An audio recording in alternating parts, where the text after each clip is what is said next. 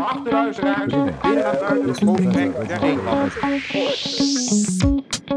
Welkom bij de Huizinga podcast, waarin je kennis maakt met de carrière mogelijkheden voor culturele historici. Mijn naam is Puk de Boer en als host van deze podcast neem ik je graag mee in de gesprekken met inspirerende Huizinga alumni uit verschillende hoeken van de praktijk. Vandaag spreek ik met Ilse Rijmakers, gepromoveerd op de cultuurgeschiedenis van 4 en 5 mei en momenteel deels werkzaam als raadslid in de gemeente Utrecht. We spreken onder andere over haar redenen om niet binnen de universiteit te blijven werken, hoe ze haar weg vond binnen de gemeentepolitiek en hoe je, als je er eenmaal bent, om kunt gaan met de hoge werkdruk. Heel veel luisterplezier. Hey Ilse, de onderhandelingen voor het nieuwe college zijn net afgesloten. Vandaag kwam het nieuws naar buiten dat uh, de onderhandelingen zijn geslaagd. Hoe voel je je? Helemaal uitgeblust, zeker? Klopt. Nou ja, ook wel blij. Ja, witte rook, zei ik al op LinkedIn. Ja, ja dat las ik inderdaad. En toch zijn ze niet helemaal representatief voor je werk als uh, raadslid. Nee. Hoe zien je dagen er vanaf nu een beetje uit? Je hebt natuurlijk al wel wat uh, ervaring. Ja, nou, raadslid zijn doe je naast een baan, of mensen zo is het bedoeld. Uh, dus je doet dit in mijn geval veelal in de avonduren en op donderdag. Dat is zo'n vaste raadsdag. Ja, en uh, je hebt uh, commissievergaderingen, raadsvergaderingen, gewoon de, de agenda van, uh, van de gemeenteraad zelf. Maar ook heel veel contact met de stad. Je wordt heel veel uitgenodigd op bijeenkomsten. Openingen van buurthuizen, wijkcentra, noem maar op. Maar bewoners die iets willen laten zien wat speelt voor in een straat of in een wijk. En je hebt gewoon zelf contacten met belangenorganisaties, met uh, partijen, verenigingen, clubs. En daar maak je afspraken mee of ga je langs uh, polshoogte nemen. Ja. En dat eigenlijk is dat, dat vind ik het leukste aan mijn raadslid zijn. Altijd contact met de stad, maar het, kost ook veel tijd, want je fietst de hele stad door. Ja, oh, je gaat wel op de fiets. Ja, ja, Kijk, ja. dat is ik heb geen auto, een nee. beetje in de PvdA spirit. dat kan niet, nee. Nee, zeker niet met een fusie. Nou, daar hoeven we het niet over, nee, te, nee. hoeven het niet over te hebben. En als je dan nu uh, terugkijkt, had je dan verwacht dat je dit werk uh, zou gaan doen? Nou, ik had altijd al politieke belangstelling. Dat is wel met de paplepel ingegoten. Ik heb een Duitse moeder en een Nederlandse vader. En er werd veel over politiek gesproken aan de keukentafel. Maar eerder landelijk. Dus het was niet lo dat lokale had ik nog niet zo op mijn vizier. Ik denk ook uh, dat ik echt niet goed wist wat de wethouder was of die deed. Dat ben ik pas later uh, hier in Utrecht achtergekomen. En hoe leuk dat ook kan zijn, lokale politiek. Ja, wat, uh, wat drijft je om dit te doen? Naast je gewone werk natuurlijk. Je hebt nog een andere baan. Ja, ja, dat je je stad mooier wil maken. Dat je echt iets kan bijdragen aan het mooier maken, beter maken van, uh, van de wereld om je heen. En sinds ik hier uh, kinderen heb gekregen in Utrecht, dan, nou ja, dan zie je het van jongs af aan. In mij, wat, wat mij heel erg drijft, is dat je gelijke kansen aan kinderen wil bieden. En dat die ongelijkheid in een stad als Utrecht zo groot is. Ja, daar kan je in lokale politiek heel veel verschil maken. Je kijkt echt waar mensen wonen, hun omgeving. En vanaf daar kun je het helemaal afpellen en allerlei dingen uh, met elkaar over hebben en echt wat betekenen. Ja, ja, mooi. Dus dat is ook dan voor jou het verschil tussen lokale en landelijke politiek. Toch echt die verbondenheid met, uh, met lokale thema's. Ja, zeker. En met mensen. Dus je hebt direct mensen. zie je de mensen die, uh, waar het invloed op heeft. Ja. En dan toch maar even wat verder uh, terug te gaan. Je vertelde me dat je eigenlijk een beta-profiel deed op de middelbare school. Waarom dan toch die keuze voor geschiedenis? Ja, klopt. Ja, ik had natuur- en gezondheid profiel. En daar was ik ook heel goed in. Geschiedenis was mijn laagste cijfer bij het eindexamen. En ja, en toch. Ik, uh, ja, het eerlijke antwoord is dat ik dat het leukste vond. Dat daar kreeg ik, uh, had ik plezier in. En daar kon ik ook veel meer mijn creativiteit in kwijt.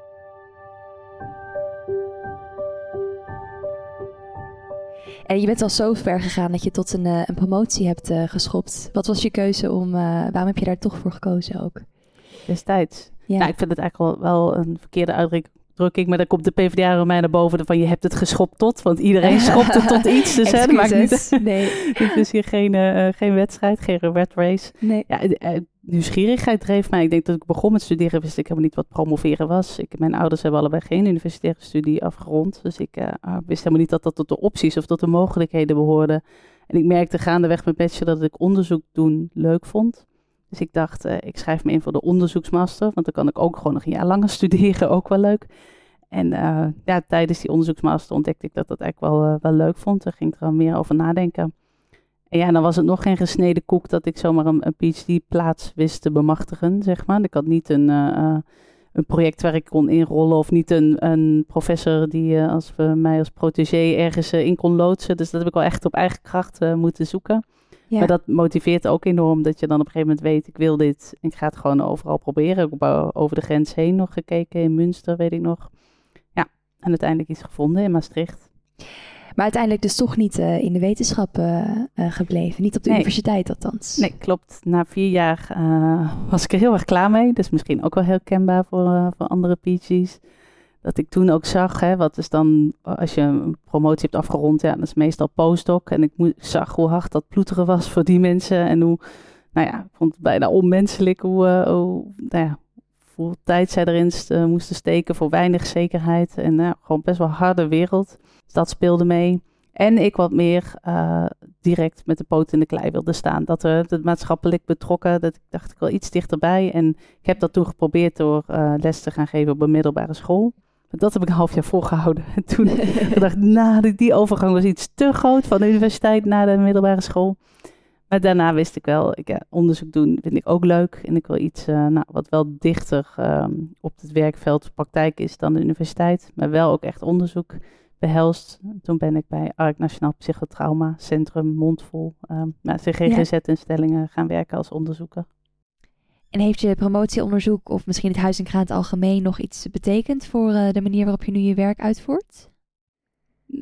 Nou, meerdere dingen bij, uh, tijdens mijn promotie was het ook het sociale. Ja, klinkt dan gek, want we hebben heus wel dingen cognitief geleerd als nee, het ware. En maar PhD'ers zitten natuurlijk ook niet alleen maar alleen in een kantoor te werken. Nee, hoewel nee. het idee dat misschien uh, Om- omdat ik in, in Maastricht promoveerde, daar was het heel interdisciplinair. Dus dan was ik als historicus al bijna een beetje eenzaam. En ook al als Nederlander, want het is ook heel internationaal. Dus Huizenga bood wel dat warme bad van meer Nederlanders en meer mensen die kennis hebben van Nederlandse geschiedenis. En sowieso meer historici. Ja, en eh, eh, dus dat, dat, dat, daar keek ik altijd heel erg naar uit, naar die bijeenkomsten. Maar ook wel de, eh, het theoretische kader en de kennis. Ik heb heel veel gehad aan zo'n introductiecursus in het eerste jaar. Om gewoon met elkaar na te denken over eh, ja, hoe je zo'n onderzoeksvraag op het gebied van cultuurgeschiedenis verder brengt. Of echt wel kunt uitwerken in een, eh, in een opzet voor je proefschrift. Nee, ja, en nu als eh, politicus zelfs heb ik, heb ik er ook veel aan. Ik merk het het meest. eh, ik net al, je krijgt heel veel berichten uit de stad, maar ook onderzoeksrapporten opgestuurd. Heel veel ambtelijke stukken in een stad als Utrecht. Nou, dat is een heel groot ambtenarenapparaat. Dat zijn tientallen berichten per dag. En nou ja, dan is het klassieke, je kunt hoofd- en bijzaak onderscheiden. Maar je kan ook heel goed kijken met die kritische blik van waarom schrijft iemand dit? En niet iets anders. Hè? Van wat Ja. staat er wel, wat staat er niet? Dat moet je je altijd afvragen.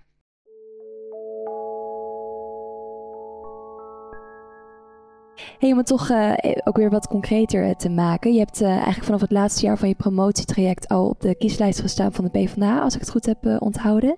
Ja. Hoe kom je eigenlijk op zo'n lijst?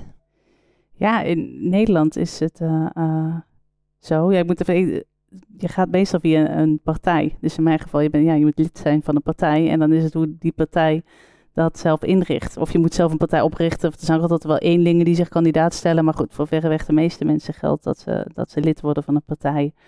Ja, en bij de PvdA is het zo, dat is dan een open procedure. Dus je kunt er gewoon op solliciteren. En ze hebben een commissie. eh, nou, dan moet je je van je beste kant laten zien.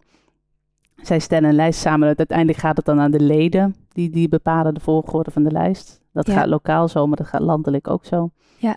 Dus je krijgt dan zo'n zo'n plekje te horen van de commissie. We hebben jou een gedachte op plek nou, zes. En dan kan je nog proberen op zo'n eh, vergadering met de leden om je hoger te krijgen. Of je op die plek te houden. Een beetje, nou, dat, zal, dat zal een beetje het politieke. Zorgen dat je mensen hebt die jou eh, vertrouwen of voor, voor jou willen gaan. eh, Ja. Campagne voeren om je op een bepaalde plek te krijgen. Ja. Ja, en het is jou natuurlijk ook gelukt uiteindelijk. Deze keer met voorkeurstemmen ben je in de, in de raad verkozen. Ja. Ja. dat is dan alweer het contact met de stad. Dus Ja. je hebt, eh, het werkt eh, eh, om de kiesdrempel te halen. Om het voorkeurstemmen moet je een kwart van het aantal stemmen voor een zetel binnenhalen.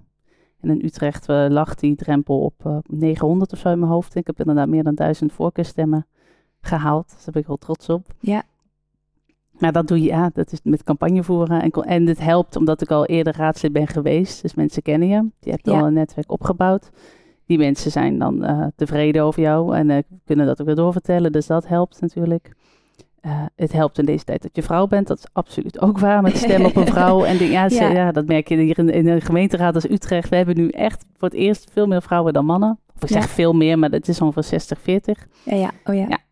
Dat is trouwens ook voor het eerst, maar goed, dat was dan groot nieuws natuurlijk, dat we het nu hadden overgenomen. Terwijl dat is zo'n begrip, ik denk, hallo, we zijn er voor het eerst met in meerderheid uh, vrouw. Ja, of besto vrouwen bestormen ja, de raad. Ja, met, precies, dat soort, dat soort termen, ja.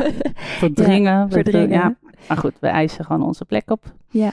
En zo haal je uh, stemmen binnen. Uiteindelijk is politiek ook, uh, het is mensenwerk, maar je moet ook gewoon, je doet het namens mensen. Het is een representatieve democratie. Dus ik vind dat heel belangrijk, het contact met, uh, met de mensen voor wie je het doet. Ja, ja. En zou je het wel studenten aan kunnen raden om bijvoorbeeld lid te worden van een uh, jongerenbeweging, van een politieke partij? Of wellicht zoals jij hebt gedaan bij een uh, onderzoeksinstituut van een politieke partij te gaan werken? Zeker, ja. Ik heb achteraf misschien uh, een beetje spijt dat ik dat niet al in mijn studietijd had gedaan. Omdat het gewoon denk ik oprecht heel leuk was om dan al met andere mensen die ook politiek geïnteresseerd zijn uh, debatten te voeren of campagne te voeren. En ik vond zelf in mijn studietijd dat ik, uh, ik, ik, was heel erg politiek geïnteresseerd, maar ik wilde niet lid worden van een politieke partij, omdat ik dacht, uh, dan verlies je je onafhankelijkheid. Of zo. ja, Als een bachelor-student. Dus ja. ja. Heel serieus, dacht ik al van. Ja, maar dat is, dat is onzin. Ik heb juist, nou in ieder geval bij de PvdA geleerd, dat juist PvdA-leden het meest kritisch op hun eigen partij kunnen zijn. Dus dat is, maakt helemaal niet uit. Daar kun je prima lid voor zijn ja, dus ik zou dat, ik kan het zeker aanraden. Ja. Ja. Ja, dat is een goede, gelijk al een goede tip, denk ik, voor uh, studenten die dit uh, interessant vinden. Hey, wat ik toch ook wel uh, even wilde aanstippen was het onderwerp werkdruk. Je doet dit natuurlijk naast een andere baan. Hoe ga je er een beetje mee om? Hoe verdeel je je tijd? Hoe zorg je ervoor dat je nou ook mentaal toch lekker in je vel blijft zitten? Ja, een hele goede vraag. Want ik weet nu ook wel dat voor, voor jongeren en studenten in deze tijd er heel veel druk op ze ligt. En ik dacht, als ik nu ga zeggen hoeveel uur ik werk, dan, dan is dat helemaal geen goed voorbeeld. uh, want dat is wel gewoon heel veel, inderdaad. Want je hebt en je werk en je doet dit vooral na avonduren. Dus ja, je komt zeker op 60 uur per week. Maar uh, wat mij daarin, uh, wat zorgt dat ik me gewoon staande houd, of het ook gewoon oprecht leuk vind, is wel dat ik er zelf zeggenschap over heb. Ik heb hiervoor gekozen. Dit is ook iets wat ik wil. En ik richt het dan ook in, in hoe ik het leuk vind om, uh, om dingen te doen. En zeg ook vaker nee tegen dingen die ik niet leuk vind. Um, daar doe ik het voor. En ook dat waar je het voor doet. Dus dat, dat doel voor ogen houden. Ja, dat houdt mij op de been. Dat is mijn drijfveer. Dan kun je ook hele lange onderhandelingen, bijvoorbeeld nu vijf weken lang. dag, ja, nou, niet dag ja. en nacht, maar zo voelde het soms wel. Ja, dat ja. kun je dan ook volhouden. Ja, ja, ja mooi.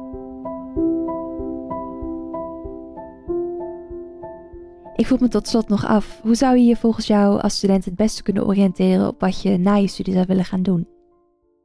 Nou, door, je, door nieuwsgierig te zijn, probeer dingen uit. Dat heb ik dus ook gedaan. Zo'n zo halfjaartje op een middelbare school en dan een, ja, een, beetje ten onder gaan, maar erachter komen, oh, dit is het toch echt niet. Ja. Maar ook met heel veel mensen gaan praten. Ja, en probeer iets. Ik heb ook weer een hele nieuwe branche gegaan. Het passend onderwijs is echt heel wat anders dan de wetenschap of onderzoek waar ik vandaan kwam. Ja, dat is nu drie maanden verder. Ik leef nog. Is dat? Ja, oh maar ja. Ik, ja, je moet, ja. Dat, dat is wat mij hielp. Probeer, probeer dingen uit. En zeg ook tegen mensen. Mensen, merk ik toch ook, hebben schroom om te zeggen... Uh, ik zoek een baan of ik ben er op zoek. Of ik wil gewoon weten wat het inhoudt. En ik heb wel geleerd, dat was in de zoektocht naar een PhD heb ik dat geleerd. Die schroom, die moet je van je afwerpen. Dat vinden mensen namelijk helemaal geen gekke vraag om te krijgen. Ja. En de huidige generatie heeft nog wel echt wel het geluk van een krappe arbeidsmarkt. Benut dat ook. Dus je, Ja. kunt, je hebt ook de luxe om een beetje te oriënteren, om aan mensen te vragen. Joh, als je bijvoorbeeld een woningcorporatie wil, wat doen mensen daar? Of een ministerie. Je hebt geen idee aan de buitenkant. En ik heb van verschillende dingen nu van binnenuit gezien. Er zijn genoeg leuke functies. Hier in de gemeente alleen al, dat wat ik nooit weet van. Maar wat zo'n ondersteuning van gemeenteraadsleden, de, en dan bedoel ik niet de politiek assistenten of de, of de woordvoerders, dingen die je nog kunt voorstellen bij politiek. Maar er is ook gewoon een, appara een apparaat, noem ik al zo'n jargon, maar uh, de Griffie, die, die ondersteunen raadsleden ook in een inhoudelijke werk. Hartstikke leuke functies waar je ook echt als historicus terecht kunt komen. Of de rekenkamer, zij doen onderzoek naar wat, of het beleid wel is uitgevoerd. Of de doelen worden gehaald die gesteld zijn. Ook echt heel mooi onderzoek, heel maatschappelijk relevant, waar ook historici terecht kunnen komen en ook komen, want daar kom ik ze ook wel vaker tegen. Ja. Oh ja. En hetzelfde is binnen de gemeente zelf. Je hebt ook de ondersteuning van de wethouders zelf, of alle afdelingen waar heel veel inhoudelijk interessant werk gebeurt. Waar ook vaak onderzoek wordt gedaan. Iedere, uh, hoe heet het? Iedere grote stad in ieder geval heeft ook een eigen onderzoeksafdeling. Daar kun je ook uh, terechtkomen. Dus uh, daar, daar is genoeg Dat is goed om te horen en ik denk dat uh, veel studenten hier zeker ook uh, veel aan zullen hebben. Mooi. Hey uh, Ilse, veel succes met je nieuwe raadsperiode Dank. en ontzettend veel dank voor het vertellen van je verhaal. En dat was hem weer. Heb je nou genoten van deze aflevering of mocht je nog feedback hebben, laat het ons dan even weten. Je kan hiervoor een mailtje sturen naar huizingra.uu.nl en we komen zo graag met je in contact. Deze podcast is een productie van het Huizingra Instituut, de Nationale Onderzoeksschool voor Culturele Geschiedenis in Nederland. Ben jij op dit moment een Research Master of PhD-student en lijkt het je leuk om mee te doen aan een van Huizingra's activiteiten of zelfs om er eentje te organiseren? Neem dan een kijkje op onze website en hou onze socials in de gaten. Alle linkjes kun je vinden in de show notes. Voor nu veel dank voor het luisteren en we hopen je snel te zien bij een van Huizinga's activiteiten of anders bij een van de volgende afleveringen. Fijne dag!